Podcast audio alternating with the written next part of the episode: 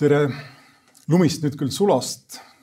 reede varast pärastlõunat eetris on taas saade Vooglaid versus Lobjakas, kus me siis väitleme järgmised nelikümmend viis minutit enam-vähem aktuaalsetel teemadel. täna võime lubada siis päris aktuaalset väitlust, kuna poliitiline olukord on selline, mis tõukab meil varem planeeritud, ütleme siis jätku sellele süvariigi teoori-, süvariigi temaatikale natukene hilisemaks, aga noh, ilmselgelt see pistab enda pea siit ja sealt välja. igal juhul tere, Varro, vabandust nüüd pika alguse. no tervist, tervist sulle kõigile teistele. Äh, siin me oleme ja koroonavabalt, eks inshallah siiamaani. igal juhul äh, esimese teemana äh, ma arvan, et nii palju kui inimesed uudiseid jälgivad ja inimesed, kes meid kuulavad, tahavad kuulata seda, millest me kõige paremini teame, siis me peaksime alustama valitsuse vahetusest ja spetsiifiliselt siis sündiva või kooruva uue koalitsiooni plaanidest ning äh, need plaanid on sinu vaatepunktist väga aktuaalsed, kuna muuhulgas, ma saan aru, siin eile vist öeldi esimest korda või ühesõnaga eile öeldi välja see mõte, et äh, uutes poliitilistes oludes tuleks hakata kontrollima poliitiliste MTÜ-de rahastamist. Ja noh, sina oled siin juba kirjutanud Facebookis või kusagil ja teisedki inimesed, sinu, ütleme sinu vaadetega inimesed on, on, on, on nagu osutanud, et tegemist on teie arvates siis millegagi, mis on otseselt suunatud sihtasutuse perekonna ja traditsiooni kaitseks vastu. ja ma pean ütlema, et kõrvalt vaadates mul puudub nagu, nagu ma tihti avastan tegelikult üllatuslikult mulle endale liberaalina, mul puudub päris selge nagu äh, seisukoht, millega sellesse debatti tulla, ma näen siin argumente poolt ja vastu. kui ma alustan millegagi, mis sulle tõenäoliselt võib-olla isegi on teisejärguline, siis millest mina aru ei saa, on, mis sul saaks olla enda või ütleme siis SAPTK-i toetajate avalikustamise vastu, sest et see jutt, mida sa muidu räägid, mida sa räägid ühiskondlikus plaanis kogukonna tähtsusest ja sellest, kuidas kogukond tekib inimestes tahteavaldustest ja poliitilisest aktiivsusest ja muust sarnasest, ma selle taustal ei saa hästi aru, kuidas on võimalik tekkida mõttel, et nende inimeste, toetajate nimede avalikustamist ei saa, ei, ei saa te teha sellepärast, et need inimesed kaotaksid kuidagi tunneksid ennast häbistatult, kaotaksid midagi ühiskondlikus plaanis, võib-olla kaotaksid karjäärivõimaluse, nagu sa ütled ja nii edasi. ühesõnaga, tegemist on siis, nagu sa tahaksid öelda, inimestega, kes ei julge enda raha panna sinna, kus nende suu on, nagu ütlevad inglased, ehk siis ei julge elada enda väärtuste valguses. Ja see üllatab mind, sest et sina tundud mulle põhimõttelise inimesena ja ma oleksin arvanud, et SAPK-i toetajad on ka põhimõttelised inimesed, kes ei karda enda vaateid avalikus ruumis demonstreerida no ja, aga alustame näiteks siis sellisest küsimusest minu poolt, et ütle, kelle poolt sina eelmistel valimistel, Riigikogu valimistel hääletasid? ausalt öeldes ma ei mäletagi, ma kes.... ära jama. ei, ei päriselt ka, ma olen, ma olen hääletanud roheliste poolt, tähendab, ma pole pikka aega üldse hääletanud, kuna ma ütlen ausalt, sellesse protsessi ei usu. no ma ei usu ühe inimese rolli ühiskonnas, ütleme niimoodi, liberaali kohta suhteliselt ilmselt harvalt. aga ma ei ole aktiivne liberaalsed. aga viimastel Riigikogu valimistel osalesid või ei osalenud? osalesin kindlasti, ma arvan, et nad võisid olla sotsid, aga ma üldiselt vaatan ringkonnapõhiselt, kellele anda hääl, et saada mingi tulemus, aga see on rohkem nagu selline era, eramäng, eks, sest et see üks hääl ei mõjuta tegelikult midagi, aga üldiselt ma hääletan ma hääletan taktikaliselt. Ja ma olen hääletanud näiteks ka Siim Kallase poolt, võib-olla see oli siis viimane kord või? ma ei ole päris kindel no ma usun, et sa ikka peaks mäletama, kelle poolt sa hääletasid. aga iseenest, see ei ole mulle tähtis. iseenesest on positiivne, et sa nagu oled nõus sellel teemal üldse rääkima, sest et enamik inimesi ei, julge üldse selle kohta midagi ütelda. näiteks kui Vilja Kiisleriga ma käisin intervjuul, ma küsisin tema käest, et öelge teie mulle siin, et kelle poolt te hääletasite. just ei, ei, ärge nüüd muutke teemat ja see ei puutu asjasse, aga see tegelikult puutub asjasse sellepärast et kui sa ütled nii, et inimesed ei peaks häbenema seda või püüdma varjata seda, millised on nende maailmavaatelised ja poliitilised eelistused, no siis peaks ka olema valimised avalikud täiesti, sest enamik inimesi ei julge mitte midagi ütelda selle kohta, kelle poolt nad hääletasid. ja sellel on väga lihtne põhjus. eks kui sa töötad näiteks mingisuguses ministeeriumis ametnikuna näiteks ja hääletasid, oletame EKRE poolt ja nüüd oletame, sa oled sotsiaalministeeriumi ametnik, eks, ja siis tuleb Tanel Kiik, eks, kes hakkab selles ministeeriumis asju korraldama, siis sa võid ette kujutada, millised sinu väljavaated on seal ministeeriumis nagu tööl jätkata või ma ei tea, karjääriredelil edeneda või nii edasi, eks. Ma, ma ei taha midagi väga drastilist öelda, aga fakt on see, et, et kui sa töötad kollektiivis, kus vaadatakse nagu halvaks panevalt sellistele vaadetele, mida sina siis ka nagu endas kannad, olles oma valimisvalikuga seda tõestanud, siis see võib sinu jaoks tuua kaasa väga tõsiseid komplikatsioone ma tahaksin siin korra vahele küsida. aga lihtsalt ennem kui ma lõpetan, ma ütlen, et põhimõtteliselt on siin sama asi, et, et sinagi, eks ole, ja paljud teised on nagu kasutanud konservatiivselt ja rahvuslikult meelestatud inimeste suhtes nagu väga tugevaid sõnu, eks ole, siin ma ei hakka nagu neid reprodutseerima aga meie oleme saanud neid sõnu nagu piiramatus koguses endale kraesse. ma ütlen näiteks, kui me saime Aadu Lukase preemia, siis Postimehe toonane arvamustoimetuse liige Sigrid Kõiv kuulutas Putini preemia ja nii edasi, eks. mina tweetisin ja sellest, mitte ainult muidugi minu tweetimisest, aga paljude inimeste tweetimisest tekkis mingisugune lumepall ja see võeti tegelikult ära. ei või no siis, mis seob SAPTK-d Kremliga, EPL-i, Delfi, need kuulsad äh, laimukampaaniad, asjad, eks. meie oleme need kõik enda kraesse saanud, aga, aga väga paljud inimesed ei taha selliseid asju endale kraesse saada ja ei saa seda endale lubada.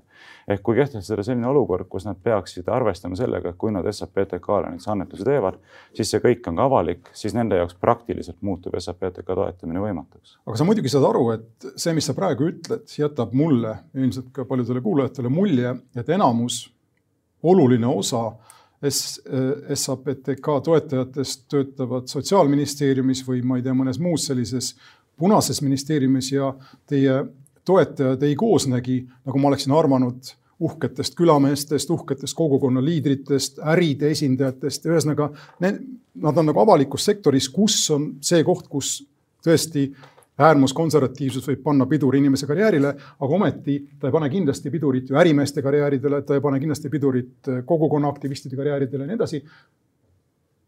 aga see mulje on ilmselt vale, et ei ole ju niimoodi, et teie toetajad oleksid ainult sotsiaalministeeriumi töötajad. ei, loomulikult ma polegi seda väitnud, aga mida ma tahan väita, on see, et on väga palju inimesi SAPTK toetajate seas, kes ei saa endale lubada seda oma töökohast tulenevalt, äh, et avalikustataks nende toetus SAPTK-le, sellepärast et see tekitaks nendele komplikatsioone. ma ei tea, kas saavad või ei saa, aga nende enda arvates nad ei saa igal juhul. mul on paljud inimesed seda ka kirjutanud, öelnud, et jah, teete head tööd, tahaks ka neid asju toetada, aga ma ei saa avalikult seda teha, küll aga ma saan toetada, eks ja, ja see ongi see olukord, mida nad tahavad, mida nad tahavad muuta, nad tahavad sundida ilmselt äh, SAPTK-d ja teisi ühinguid, aga noh, teisi ju selliseid ühinguid eriti palju ei olegi, kes on päris kodanikuühingud, aga samas avalikult püüavad äh, ühiskondlikke protsesse suunata avalikustama kõiki oma toetajaid. ma muidugi ei tea, milles see plaan täpselt seisneb, sellepärast on seda veel raske kommenteerida. ma tulin eile õhtul suusarajalt, vaatasin, et mul on vastamata kõne, helistasin tagasi, see oli ajakirjanik, ütles, no kuidas te kommenteerite, eks ole, seda, seda plaani. ma ütlesin, ma pole kuulnudki sellest plaanist mitte midagi, et ma olin, suusatasin siin kaks, ma ei tea, poolteist tundi või kaks tundi, kaua ma seal olin aga, ja, ja praegu ma ka ju ei tea täpselt, et milles see plaan täpsemalt seisneb, mida, mida te tahate siis täpsemalt teha, et on mingeid aspekte, millega ma võib-olla isegi oleksin nõus, näiteks rahastada äh, teatud piirist suuremad annetused, mis on laekunud välismaalt. avalikustada, mitte rahastada. ma ütlesin rahastada ah,, avalikustada jah.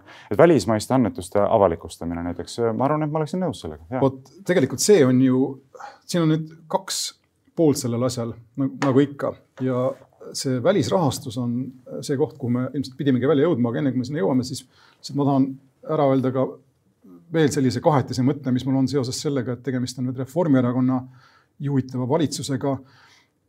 meil on siis jah, ühelt poolt nagu siseelud otsus osu, ka osutanud, eks tegemist siin erakonnaga, mis vähem kui kümme aastat tagasi oli tõsises korruptsiooniskandaalis, kilekotirahad, kõik see, eks minister astus tagasi. meenutagem ka seda, meenutagem ka seda, et Kaja Kallas, kui ta oli veel siin meil parlamendis, kui ma ei eksi, eks üritas Reformierakonna valitsemise ajal parlamendile, Riigikogule, Reformierakonna poolt domineeritud Riigikogule tekitada eetikakoodeksit ja kui haledalt see läbi kukkus, nii et tegemist ei ole erakonnaga, mis oleks noh, ütleme niimoodi, et läbipaistvuse etalon Eestis. ja samas siis selline noh, plaan hakata poliitilisi ühendusi puistama veidikene meenutab seda, mida Venemaal tehakse välisrahastuse süüdistuse katte all erinevate MTÜ-dega, ehk siis nad sunnitakse ennast registreerima teistviisi ja, ja üldiselt noh, nad üritatakse, neid üritatakse välja süüa ja ma loodan, et siin ei ole tegemist millegi sellisega. aga nüüd teiselt poolt muidugi on ju ilmne, et platvorm, mida sa esindad ja sõnumid, mida sina, SAPT toob äh, Eesti avalikku ruumi, meenutavad üsna lähedalt seda, milliseid sõnumeid välistab näiteks seesama Venemaa, Venemaa juhtiv klikk, eks, Euroopa ja kogu see Brüsseli väärtused, millele te vastu olete ja nii edasi, ei erine väga sellest, mida tahaks Venemaal näha sealsed väga natsionalistlikult ja ütleme, konservatiivreligioosselt meelestatud jõud. ning kui sa nüüd ütled, et sa oled valmis välis, oleksid valmis välisrahastuse teatud piirist alates avalikustama, siis sa teadvustad ju seda, eks, et Eesti on väike riik ja siin on võimalik sekkuda eri tasanditel välisriikidel väga lihtsalt. ja, ja see oht, ühesõnaga see mure on reaalne. ma arvan, et suurema osa inimeste jaoks tegelikult see mure ilmselt lahendatakse ära sellega jah, nagu sa ütled, et kui teatud piirist, mõistlikust piirist alates mm. mingisugune sõltumatu audiitor käib teie rahad läbi ja ütleb, et ei, siin ei ole tegemist võimalusega, et te oleksite rahastatud Venemaa poolt. noh, aga ütleme nii, tegelikult siin päris palju kommenteerida, ma võiksin nagu terve rea punkte ette võtta, aga esiteks see Venemaa argument on see, et et ega see ei ole mingi Venemaa spetsiifiline hoiak, et ma ei tea, abielu on mehe ja naise vaheline liit või perekond moodustub mehest ja naisest. ei, aga kas ma tohin vahele öelda, me kõik ka teame, et Venemaa aktiivselt toetab paremäärmuslikke poliitilisi liikumisi alates siin Prantsusmaast kuni Ungarini välja. mina seda ei tea, mina seda ei tea. no seda ma loen lehtedest läänes. nojah, aga need lehed valetavad ka väga tihti, nii et, et ma tahaksin näha siis reaalseid tõendeid, mitte mingeid väiteid lihtsalt aga võib-olla tehakse seda mingil määral, ma ei oska öelda, aga meie puhul kindlasti ei tehta, et see igasugune selline jutt on üleüldse tekkinud sellest, et Eesti Päevaleht ja Delfi kahe tuhande neljateistkümnendal aastal lasid selle vale lendu. nagu meil oleks mingisugused Venemaa-sisesed sidemed, pressinõukogu on nende sellise tegevuse hukka mõistnud, öelnud, et mitte mingisugust alust sellist väitet levitada ei ole, nii et sellel ei ole reaalsusega mitte mingit pistmist, alustame sellest aga teiseks, lähme edasi, ütleme põhimõtteliselt on see võimalik, et välismaalt rahastatakse mingisuguseid ühinguid, mis suunavad ka ühiskondlikke protsesse ja see ei ole iseenesest tervitatav, see ei tohiks nii olla. aga nüüd Äh, fakt on see, et näiteks SAPTK on auditeeritud juba aastaid nii või teisiti. vandeaudiitor käib iga aasta meie majandusaasta aruande üle, kinnitab selle muuhulgas, palju on tulnud välismaalt äh, annetusi tähendab, kinnitab selle, mis see tähendab, annab, teeb selle avalikuks no,? majandusaasta aruandes on ju kirjas, palju on välismaalt saadud toetust, see on kogu aeg avalik info. see on avalik number? avalik number. okei okay,, vabandust, ma lihtsalt. seal ei ole juures küll seda, et kellelt see on, aga isegi kui seal on olnud meil välismaist rahast, me oleme alati ise kirjutanud sinna, kellelt see on. aga sa muidugi saad aru, et on võimalik teha, teha igasuguseid selliseid äh, kestasid ja kehandeid Eestisse mis jätavad mulje, et tegemist oleks nagu Eesti annetajatega, ühesõnaga, et seda kõike tuleks uurida. aga loomulikult saab, seda saab alati teha. uurida natukene lähemalt. miks ei saaks siis niimoodi teha, et ma ei tea, kui tahta niisugust skeemi teha, et ma ei tea, näiteks Venemaalt kannad raha üle kellelegi eraisikule, see eraisik annetab. Ja. ja kuidas see peaks audiitorkontrollist välja tulema, see ei tule välja sealt, kui niisugust asja tehtakse. nii et ma tahaks tegelikult näha ka, kuidas nad kujutavad ette, et seda saab nagu reaalselt teostada. mulle tundub, et siin ei, tuuakse, tuuakse seda... välja nagu ühed eesmärgid, aga tegelikud eesmärgid on hoopis teised, mis on see, et paljastada iga väike annetaja. mida nad tahavad öelda, mida nad ilmselt tahavad, on see, et kui ma õigesti aru saan, on see, et annetajate nimed tehakse avalikuks ja siis igaüks võib ise hakata uurima, kes on annetaja, kes võimalik, kes on ta taga ja nii edasi, eks. midagi Bellingcati sarnast hakkaks toimuma, võib-olla, et siis ma ei tea, seesama Salk mobiliseeruks ja uuriks no, lõpuni läbi kõik teie annetajad ja vaataks, kas nende taga võib olla veel keegi teine. aga, aga, aga, aga see osutabki sellele, et tegelikult tahetakse jõuda eraisikuteni, mitte välismaiste rahastajateni. mitte tingimata eraisikuteni, seda ma hästi ei usu, aga tõesti, see on nii-öelda kollateraalne damage, et, et. aga mul on natuke probleem, ma ei saa kahte tahan... lauset järjest rääkida, ilma et sa ütleksid midagi vahele. Sorry, aga ma tahan selle mõtte ära lõpetada, ma ed. ma tahaks ka mõne mõtte ära lõpetada. nii, ma annan sulle edaspidi rohkem, rohkem ruumi, ma saan aru, et see on valus teema aga.... ei ole valus teema, ma tahaks ka just normaalselt rääkida, ilma et sa ütleks, ma tahan midagi vahele öelda. ma tegelikult tahtsin öelda seda nüüd lõpetuseks, et äh, see on midagi muidugi, äh, milles sul on õigus, ühte MTÜ-d ei saa niimoodi, üks, ühesõnaga ei tohi välja valida ühte MTÜ-d, kelle puhul sellist asja tegema hakataks, sest et äh, sul on õigus ka selles, eks, et kogu see kategooria poliit, poliitilised MTÜ-d on äh, noh, pehmelt öeldes äärmiselt hägune. ja see nõuab päris tõsist järelemõtlemist, mis oleks sellise sammu laiem, laiemad nagu järelmid ja tagajärjed, siin ma olen sinuga täiesti nõus noh, siin ongi see illusioon, et me ütleme, kehtestame regulatsiooni nagu kõigile võrdselt ja tegelikult on enam-vähem üks subjekt, keda see kõige nagu teravamalt tabab, sellepärast et Eestis sellist päris kodanikuühiskonda ju praktiliselt ei eksisteeri. küll aga eksisteerib väga palju selliseid võltskodanikuühendusi, kes saavad nagu avalikku raha kasutada väga suurtes kogustes, nagu siin need Eesti LGBT ühingud ja teised, keda on ju ebaseaduslikultki pikalt Sotsiaalministeeriumi kaudu rahastatud, nagu me teame. nii et see on ka illusioon, et me kehtestame üldise korra, et kõik peavad nüüd sellele alluma, aga fakt on see, et kvalifitseerub üks peamine ühing, eks, kelle, kelle pihta see nagu tegelikult käib. ja nüüd, äh, mis puudutab äh, sinu poolt tehtud osutus selle kohta, et on väga hägune küsimus sellest, et millised ühingud on siis nii-öelda poliitilised ühingud ja millised mitte, siis äh, absoluutselt. ma küsiksin selle peale, et kas Eesti Päevaleht, Delfi ja näiteks Postimees mõjutavad vähem Eesti poliitilisi protsesse, kui teeb seda SAPTK või? jah, Postimees ja Eesti Päevaleht on äriühingud Nad ei ole mittetulundusühingud või sihtasutused, aga sisuliselt juriidiline vorm ei ole ju tähtis. tähtis on see, kas mõjutatakse ühiskondlikke ja poliitilisi protsesse või mitte. et sellisel juhul, kui tahetakse panna see näiteks SAPTK-le peale selline kohustus, siis võiks öelda, tuleb see panna ka näiteks ajakirjandusväljaannetele peale, kes samamoodi ütlevad juhtkirjades, et see ja see minister peab lahkuma või meie valimiseelistus järgmistel valimistel on näiteks see erakond ja nii edasi, et samamoodi suunatakse väga ulatuslikult poliitilisi protsesse. et sellisel juhul peaks ajakirjandusväljaanded deklareerima, kes on nende tellijad nimeliselt, kellelt nad raha saavad ja kes on nende reklaamiostjad, konkreetsed nimed, ettevõtted, konkreetsed numbrid, kes neile raha annavad ja nii edasi. et siis tuleb minna sellega nagu lõpuni, et kõigile siis selline kord kehtestada, mitte et ma seda pooldaksin, aga ma kindlasti ei poolda sellist diskrimineerivat korra kehtestamist. ma millegipärast arvan, et see raha annetamine lehtede puhul on palju vähem oluline kui. annetamine, aga saamine. või saamine, ükskõik, aga ühesõnaga, et raha antakse mingite lugude avaldamise eest, ma pigem arvan, et tegemist on toimetajate suvaga ja selles mõttes sul on isegi võib-olla õigus, aga ühesõnaga üks toimetaja või üks kirjutaja, kui ta pääseb mõne suure lehe arvamusküljele, võib arvamusi mõjutada jah, rohkem kui ma ei tea, mõni sinu SAPTK kampaania.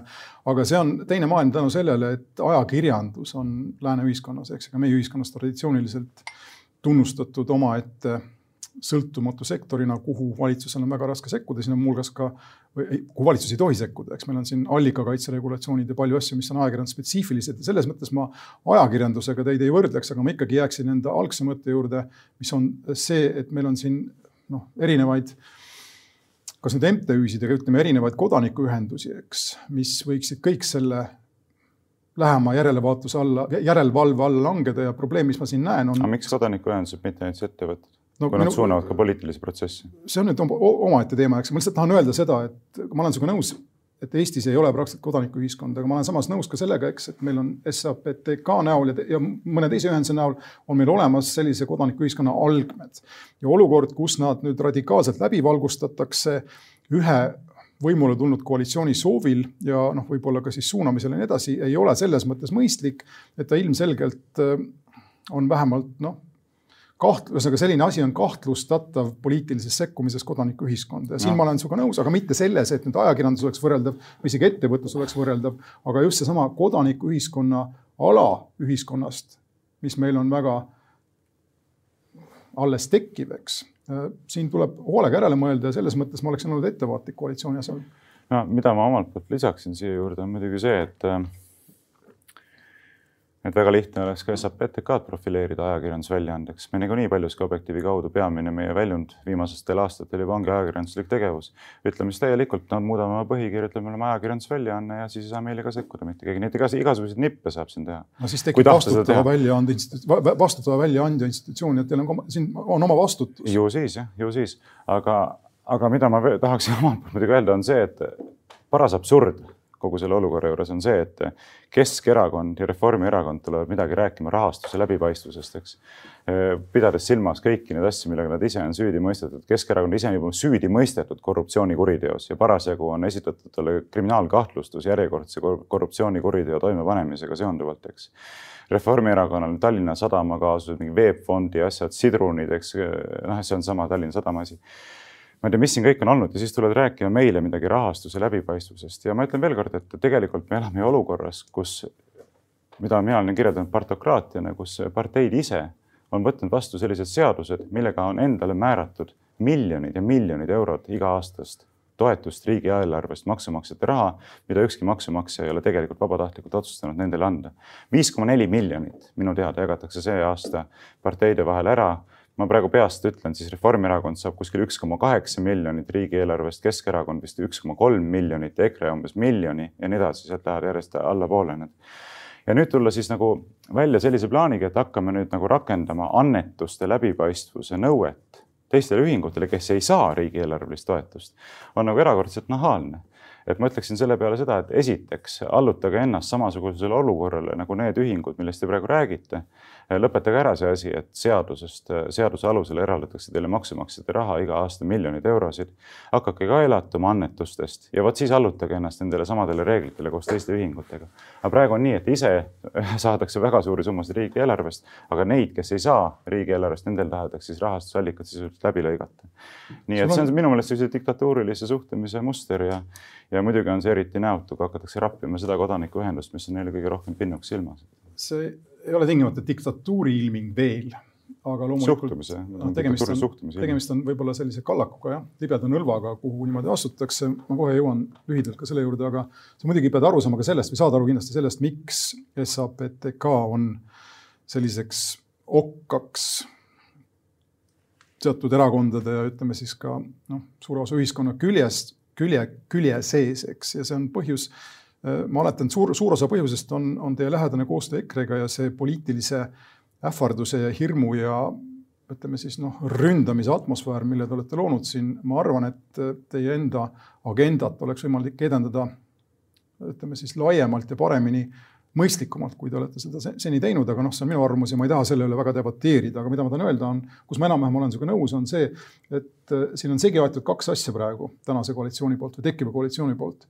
üks on julgeoleku küsimused, mis on, kuhu alla siis kuulub igasugune poliitikat mõjutav välisraha ja muu sarnane, ehk siis välisriikide intentsioon, mis on tõlgitud rahaliseks abiks aga selle jaoks on meil olemas, ma kujutan ette, organid nagu kapo ja muu sarnane ja ma iseenesest arvaksin, et see külg Eestis on päris hästi tegelikult kaetud. iseküsimus on muidugi selles, et kui midagi on kahtlast juhtunud ja kapo ilmselgelt sellest, sellest midagi teab, siis kapo ei kaldu seda avalikustama ja tekivad olukorrad, kus näiteks me teame, et keegi Reformierakonnast võttis välja paarkümmend miljonit dollarit siin üheksakümnendate aastate keskel Peterburist.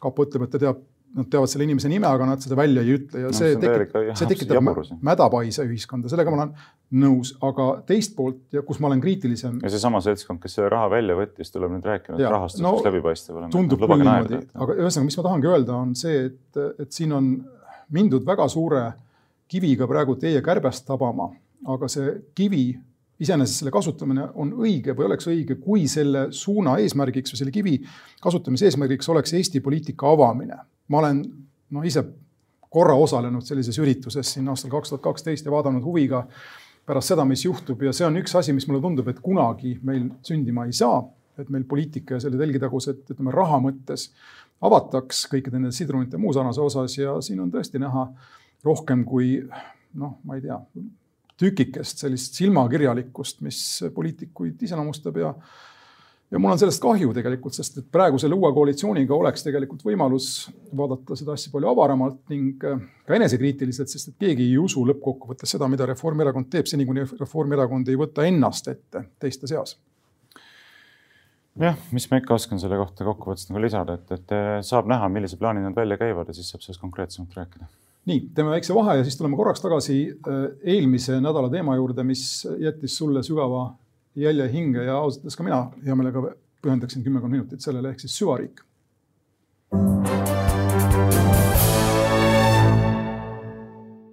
ja kuna sina tahtsid selle teema meil uuesti üles tuua, siis ma jätan sissejuhatuse ehk sulle, et sa ütleksid siis enam-vähem välja selle, mis sulle hinge jäi ja mida sa tahaksid mille osas sa tahaksid siis jätkata debatti täna? no ma ütlen algatuseks seda, et minu meelest ei pea üldse seda sõna süvariik siin kasutama, ma tean, et osasid inimesi see sõna häirib. mind ei häiri isiklikult, sellepärast et ma tean, mida ma selle all silmas pean ja selles ei ole mitte midagi sellist müstilist või mütoloogilist, vaid see on täiesti reaalne asi. ametnikkond, eriti jõustruktuurid, mis sekkuvad poliitikasse vähemal või rohkemal määral, seda on alati tehtud, küsimus on selles, mil määral seda on tehtud aga ärme kasuta seda, räägime lihtsalt ametnikkonna ja eriti jõustruktuuride sekkumisest poliitikasse, siis ei ole kellelgi mingit võimalust öelda, et mis te nüüd sellest süvariigist siin räägite. aga jah, eelmises saates mulle ikkagi jäi nagu kriipima see sinu seisukoht, et kui ma küsisin su käest, et, et oletame, et eriteenistused või jõustruktuurid sekkusid poliitilisse, poliitikasse selleks, et et hoida Eesti püsimist läänelike väärtuste kursil, nii nagu nemad sellest aru saavad ja, ja siis see, selle osana selleks, et jätta ära see abielureferendum. et kas seda võiks siis pidada põhjendatuks ja sa ütlesid, et võiks küll. ja pärast seda. päriselt ei öelnud seda ole nüüd, ma ütlesin, et referendum ei puutu siin asjasse, jutt käib siin Eesti orientatsioonist ja referendum on lihtsalt ettekääne. ja, ja aga ütlesid, et sekkumine selline põhimõtteliselt oleks põhjendatud. no pomm nad... andi sinna, kus ta maksimaalset kahju teeb. jah, jah okay., noh, see ei ole tähtis praegu, mille pärast täpselt, ega me selle üle võime ainult spekuleerida. ja muidugi omapoolse sissejuhatusena ma ütlen endiselt, et nädal aega hiljem, eks ole, me oleme ikkagi olukorras, kus ei prokuratuur ega kaitsepolitsei ei ole andnud vähegi rahuldavat selgitust selle kohta, miks see pomm oli vaja lõhata just sellel päeval, päev enne abielureferendumi lõpphääletust, referendumi toimumise lõpphääletust ma tean, et täna vist Riigikogu erikomisjoni esindajad peaksid kohtuma kaitsepolitsei esindajatega, et neid selgitusi küsida. aga algselt kirja teel saadetud küsimuse peale kapo vastas neile, et me ei avalikusta teile mingit informatsiooni, mis näitab ka, milline nali on tegelikult see parlamentaarne järelevalve Kaitsepolitseiameti üle, kes tegelikult ei ole allutatud praktiliselt mitte mingile reaalsele järelevalvele, see on avalik saladuseks aga mind jäi ikkagi kriipima see, et sa ütled, et sinu arvates nagu võib küll sekkuda poliitilistesse protsessidesse ametkond, ametnikkond. Ja mina ütlesin, et sellisel juhul meil ei ole ju demokraatlik riik, aga sa ütlesid, et aga siis meil on õigusriik. Ja vaata siit ma jõuangi selle küsimuse juurde, et, et mida sa sellisel juhul üleüldse nagu õigusriigi all silmas pead. sellepärast, et õigusriigi olemuslikuks osaks ja keskseks osaks on ju see, et riigivõimu tuleb teostada kooskõlas põhiseaduse ja sellega kooskõlas olevate seadustega, mis näeb ette ka ametnikkonnale oma võimupiirid, mida nad ületada ei tohi see, et ametnikkond püsib oma seadustega ette nähtud võimu piirides, on ju väga noh, lahutamatu osa õigusriikluse printsiibist või ma annaksingi siin sõna, sõnajärje sulle üle, et mina igal juhul sellest aru ei saa, minu meelest just nimelt see, kui sa jaatad sellise sekkumise lubatavust, on ju õigusriikluse printsiibi eitamine, mitte selle jaatamine. ma tahaksin alustada ühe viitega, mida ma olen kasutanud siin läbi aastate ja ma ei tea, miks ma seda teen, aga ma, mulle, mulle meeldib see mõte või mulle, mulle, mulle meeldib see näide või viide, mille ma tahan nüüd tuua ja mulle tundub, et seda ei tohi unustada. see puudutab sinu märkust parlamendi kontrolli kohta kapo üle ja vabandust, kui ma nüüd inimese nimega eksin, aga siin oli kunagi eelmise kümnendi keskel või alguse poole teemaks mingisuguse nuhkvara ostmine Eesti riigi poolt ja selle rakendamine ja nii edasi ja tuli korra aeganõuses üles, küsiti kapolt, kapo midagi ei öelnud ja siis küsiti sellelt komisjonilt ja juhtis seda komisjoni, kui ma ei eksi, Peep Aru väga vabalt võin eksida, mm. vabandan, kui ma eksin. aga ta ütles sellise lause, mis mulle nagu täiesti ütleme siis suurte tähtedega meelde jäi. ehk siis meile selliseid asju ei räägita, ütles kapo kontrolli äh, esimees toona ja siin on probleem ja jääbki olema probleem. see ei tähenda seda, et ma sinuga nüüd nõus oleksin selles täpses küsimuses, aga, aga noh. no millises küsimuses? aga kapo on ilmselgelt meil riik riigis ja, ja, ja väga suures, väga suurel määral tuleb meil kapot lihtsalt usaldada, kuna, ja selles on sul õigus, tema üle mingisugust parlamentaarset, ütleme siis demokraatlikku järelevalvet ei ole ja siin me jõuame selle süvariigi teema nagu piiridele.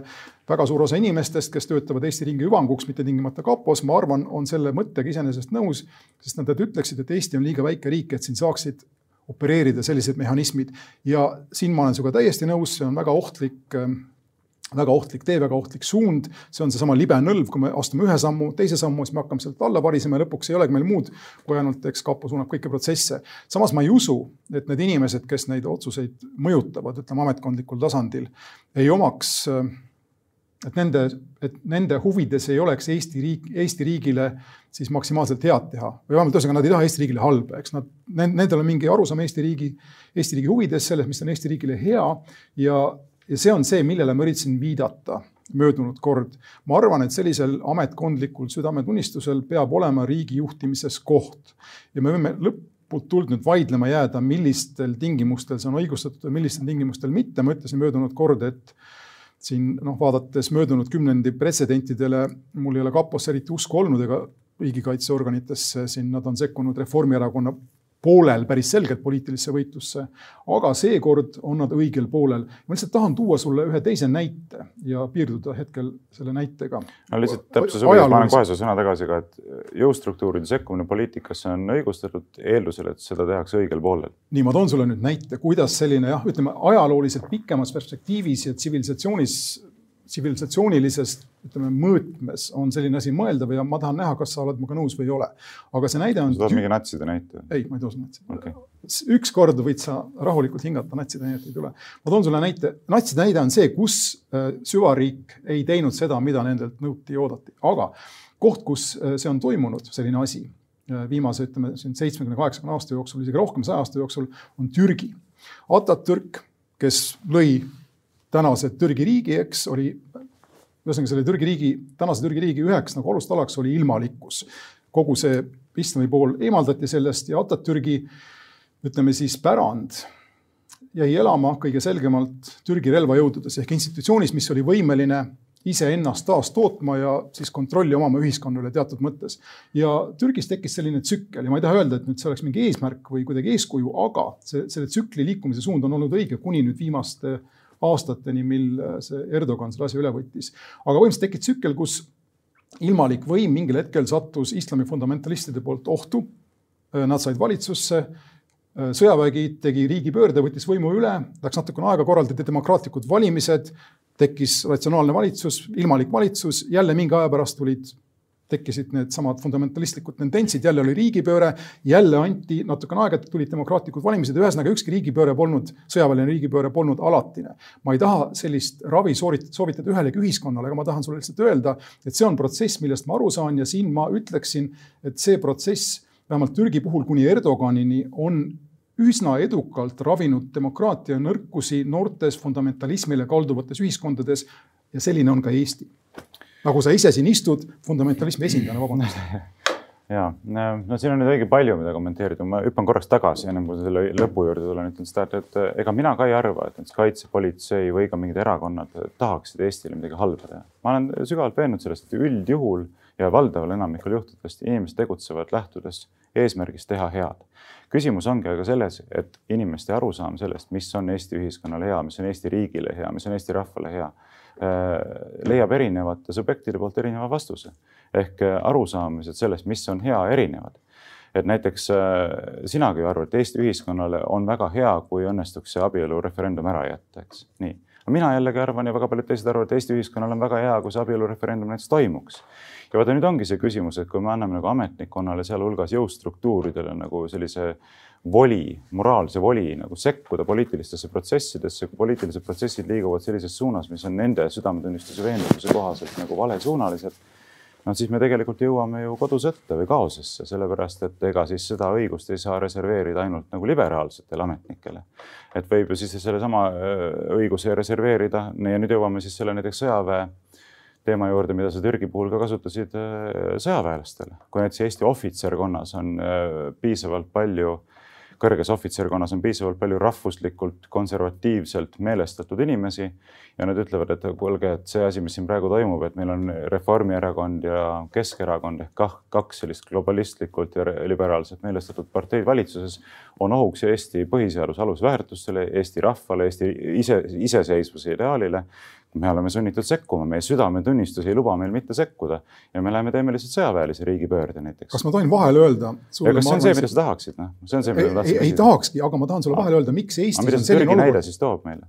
mida sa, mida sa öelda tahad? ma tahan sellega öelda seda, et see sõltub ka nii-öelda sellise, ütleme riigi suuremast pildist ja plaanist ja Türgi on liikunud siin ligi sajandi teatud suunas. Soome on teinud midagi sarnast. Eestil on see alusplaan kahjuks tänu ajaloo äpardusele pätsilik ja nii on ka tõsi, et Eestis on pigem mõeldav sellise ohvitserkonna teke, mis tahaks minna tagasi Laidoneri ja Pätsi aegadesse. ja see on midagi hoopis teistmoodi kui need ütleme Atatürgi mõtted, eks. ja siin on sul õigus, aga lihtsalt sellepärast, et Eestis ei ole olnud korralikku läänelikku ilmalikku riigi kontseptsiooni, mis oleks eluvõimeline. Sorry no ma ei oska seda nüüd kommenteerida, see on nagu laiem küsimus, aga mida võib küll Pätsi Laidoneri kogemusest esile tuua, on see, et Eestis on eriteenistuste abiga väga tõsine riigipööre juba läbi viidud, eks, kolmekümne neljandal aastal.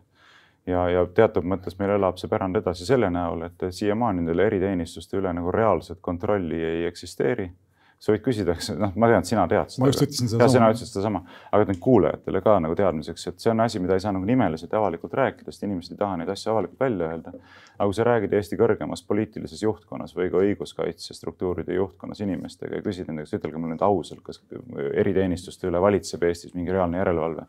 kõik ütlevad omavahelistes vestlustes, et ei, reaalselt muidugi ei, ei valitse, kõik teavad seda, see on avalik saladus ja, ja noh, ütleme sellises olukorras ei ole sugugi välistatud, et protsessid võivad korduda. Ja vaata siin ma näengi seda nagu ohtu, et kui sina ka nagu avalikult nagu põhjendad seda, et, et kui äh, ametnikkond eriteenistustes, jõustruktuurides ja mujal tunneb või miks mitte ka sõjaväes, et poliitilised protsessid on küll põhiseaduspärased et keegi ei ole teinud midagi, mis oleks põhiseadusega vastuolus, aga need on üldisemalt vastuolus, eks ole, euroopalike väärtustega nagu meie arusaamisega sellest, mis on meie ühiskonnale kasulik ja nii edasi.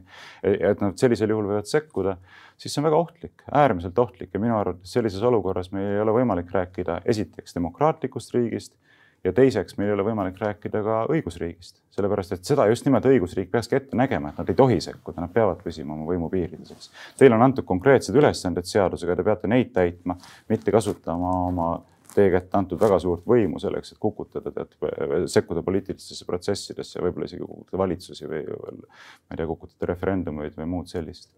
ja ma ütlen, see on see, mina näiteks tunnetan, et see on, kuhu, see, kuhu me oleme jõudnud, et kui ikkagi prokuratuur ja kaitsepolitsei ei anna veenvaid selgitusi selle kohta, et nad ei saanud seda pommi lahata mingil muul päeval kui päev enne referendumit, siis mina elan edasi teadmisega, et Eesti on riik, kus eriteenistused sekkuvad vajadusel selleks, et nendele ebameeldivaid, liberaalidele ebameeldivaid poliitilisi protsesse põhja lasta. ja, ja noh, pikemas perspektiivis on see väga ohtlik, sellepärast et kui inimesed saavad aru, et demokraatlikult ja õiguspäraselt sa ei saa oma eesmärkide poole pürgida, sellepärast et sinu, sa oled väga, võid küll väga palju tööd teha, et neid eesmärke saavutada, aga sellele lihtsalt tõmmatakse vesi peale nende jõustruktuuride poolt, noh siis tegelikult ei olegi mõtet mitte midagi teha.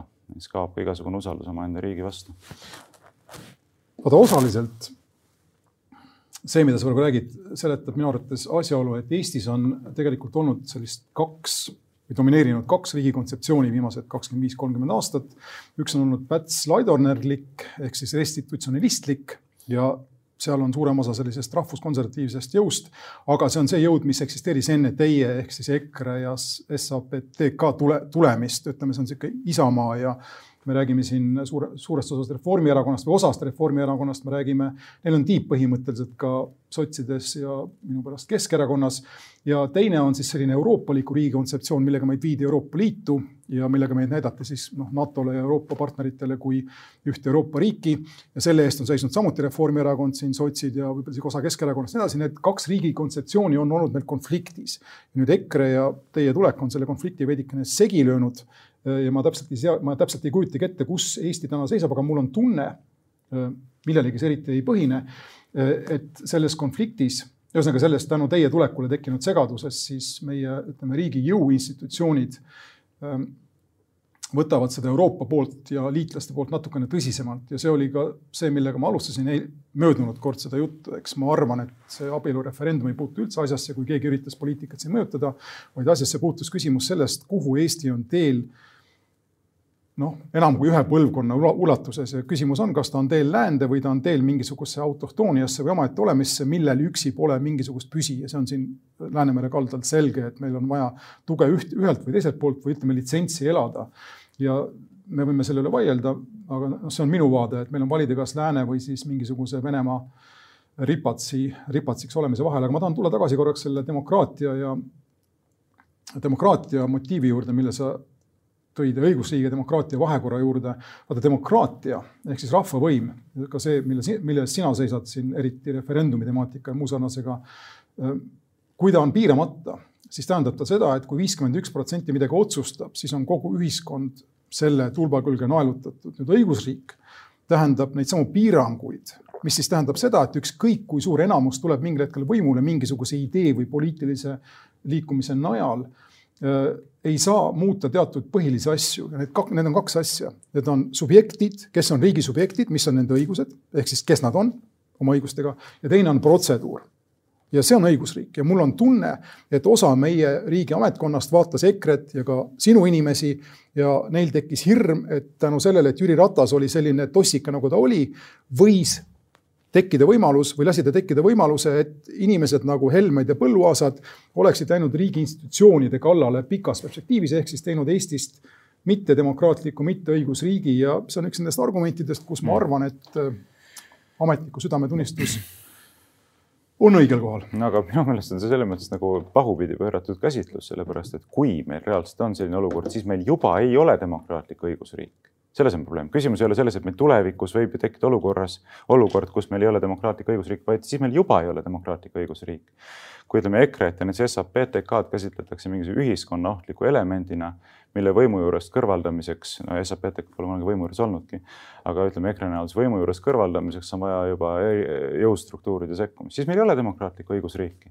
ja vaata, see ongi see asi, mis mind kõige rohkem kogu selle asja juures häirib, et sa eelmises saates ütlesid ka, et noh, Eesti tegelikult oma geopoliitilises olukorras ei saa endale lubada iseseisvuse ideaalist lähtumist, eks. see on fakt, et me ei saa lubada seda lihtsalt. no defineeri iseseisvus. see, et sa täiesti omaette olukord. langetad ise oma otsuseid, poliitilisi otsuseid, valid ise oma poliitilise kursi. Henn Põlluaasast Vaarao näiteks või? seda, seda me loomulikult ei saa. Mitte presidenti näiteks jah, kui me seda otsustame. kui rahvas soovib seda, siis ma arvan, et see oleks täiesti legitiimne valik ja ma arvan, et sugugi mitte halb valik. see iseenesest küll. päris hea valik isegi.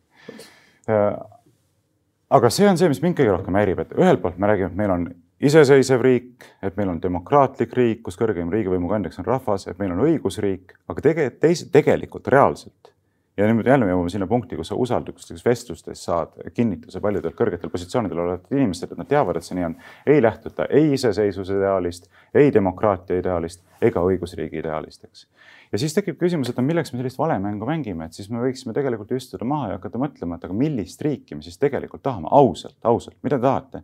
mingisugust liberaalset diktatuuri või mingisugust Eesti tegemist ma ei tea, Euroopa Liidu mingisuguseks provintsiks sõna otseses mõttes, et loobume siis parlamendist näiteks, et las siis tulevad seadused sealt, eks.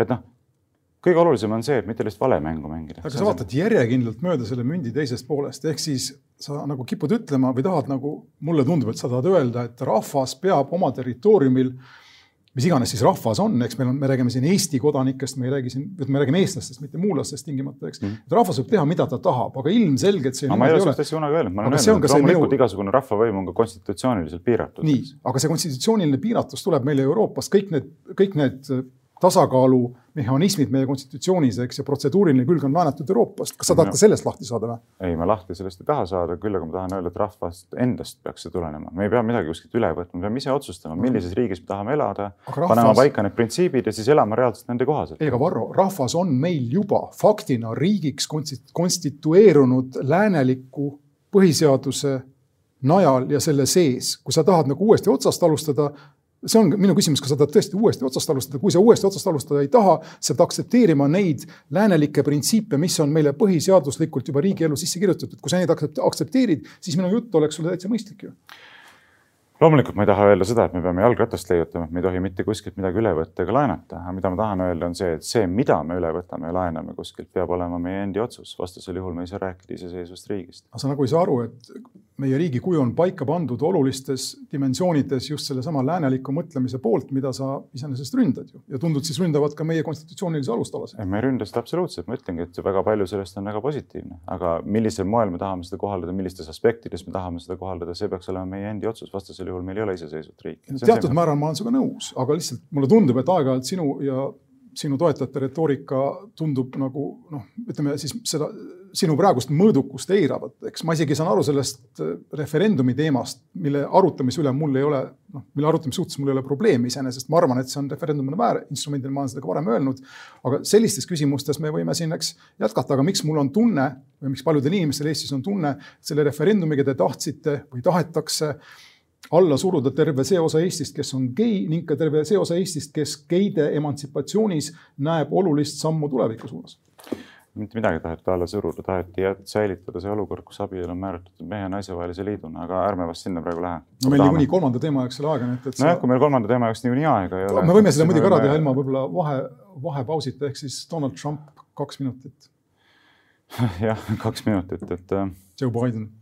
mida selle asja kohta kahe minutiga ütelda, noh no võib-olla pinnapealsete tähelepanekutena lihtsalt nii palju, et, et see, kuidas USA meedia, liberaalne meedia, CNN ja kõik teised kajastasid Bideni ametisse astumist, oli ikka minu meelest päris kõnekas, et see jättis niisuguse väga korralikult äh, Nõukogude propaganda stiilis mulje, kuidas seal CNN-i kommentaator rääkis, et need valgusribad, mis tulid sealt selle The Malli poole, sealt kongressi hoone juurest, ma ei mäleta, kuidas eestikeelne sõna on, see park, mis seal ees on, eks, basseinidega et need oleks nagu Joe Bideni käed, millega ta võtab Ameerika uuesti oma embusesse see tuletas küll juba niisugust asja meelde, et isake Stalin tead, toob rahule, rahu lõpuks rahvale pärast suurt Isamaa sõda ja kõike sellist. sa nagu paned poliitikale pahaks suhtekorraldust ma...? ei, ma lihtsalt tahan öelda seda, et, et mulle tundub, et, et need väiksed sümboolsed märgid annavad meile mingisuguse indikatsiooniga selle kohta, kuhu suunas Ameerika ühiskond on praegusel hetkel liikumas ja kui räägitakse Bidenist kui mingisugusest suurest ühendajast ja uuesti rahu ja ratsionaalsuse toojast,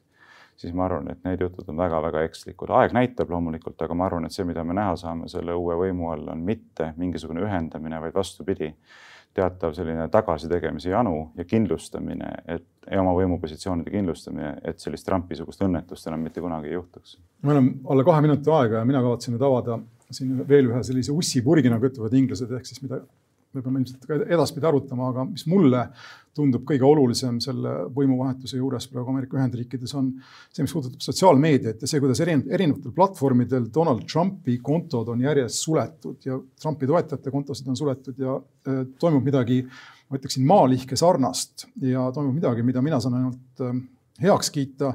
ehk siis me oleme näinud ja need ei ole päriselt ka minu mõtted, ma lugesin ühte paari saksa kirjutajat siin viimastel päevadel, aga põhimõtteliselt mida siin, mida me näeme, on siin vastureaktsioon sellisele netiutoopiale, mille äärmuslased hijack isid või kaaperdasid ning kus siis selle asemel, et inimesed oleksid nagu see Eesti aju nagu Delfi pidi kunagi olema, eks tekkis kommentaarium, kommentaariumi samad reeglid ja tekkis äh, põhimõtteliselt kaks asja, ehk siis respekt vast-, vastuvaidleja või ütleme, vastasolija vastu kadus totaalselt ja kadus ka ratsionaalsus. et, et mingil määral ma arvan, et algab siit ka see, selle Donald Trumpi äh, võimalikuks teinud äh, sotsiaalmeedia situatsiooni korrigeerimine ja ma saan ainult noogutada nojah, aga ma arvan, et see ei ole ainuke asi, mille osas me korrigeerimist näeme, et me elame kurjadel aegadel. ma arvan, et nii Ameerika Ühendriikides kui nüüd ka Eestis, kus poliitiline olukord on viidud sünkrooni USA-s toimuvaga, saame me näha seda, kuidas erinevaid kodanikuõigusi ja vabadusi hakatakse reaalselt kõvasti koomale tõmbama. ja selles mõttes ma ei saagi nagu hästi aru, miks nagu ausad liberaalid nagu juubeldavad nende äh, suundumuste pärast, sest ma ei usu, et sa oskad mulle nimetada ühtegi reaalset inimõigust või vabadust, mida me saaksime näha, et kas Eesti valitsus, tulevane valitsus või nüüd siis Bideni administratsioon hakkaks reaalselt laiendama. küll aga. geideõigused. Need pole reaalsed inimõigused, need on pseudoõigused. Küll aga me saame näha ilmselt massiivset raha juurdetrükki, selle kaudu inimestelt nende raha veelgi ulatuslikumat äravõtmist, võib-olla saame näha üldse dollarisüsteemi kokkukukkumist, võib-olla saame näha uusi sõdasid. nii et minu meelest ei ole mingit põhjust kuidagi lootusrikkalt tulevikku siin olukorras vaadata. ärgem nii sünged olgem, aga meil on aeg läbi ja seletagem siis järgmistes saadetes, mina seletan järgmistes saadetes miks me nii sünged ei peaks olema. igal juhul te olete vaadanud ja kuulanud nüüd väitlussaadet Vooglaid versus Lobjakas. tänan kuulamast. Jah, tundke rõõmu talvest ja minge suusatama. kohtume siin järgmisel nädalal.